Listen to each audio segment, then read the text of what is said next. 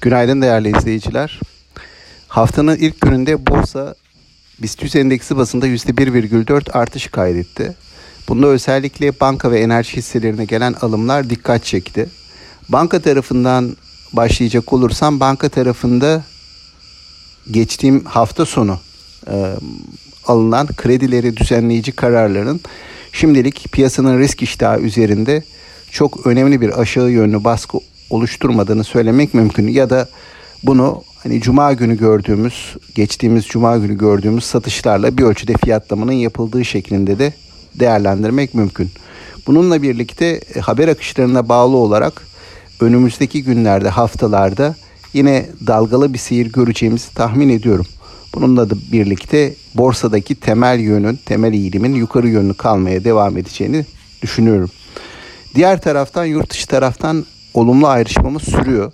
Bu olumlu ayrışmada yatırımcının enflasyona karşı getiri arayışı etkili.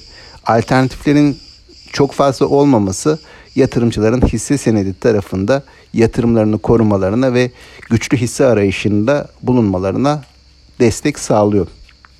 Avrupa tarafına baktığımızda Avrupa tarafında özellikle kış ayları yaklaşırken doğal gaz krizinin derinleşebileceği endişesi e, borsaları, fiyatlamaları baskı altında tutuyor.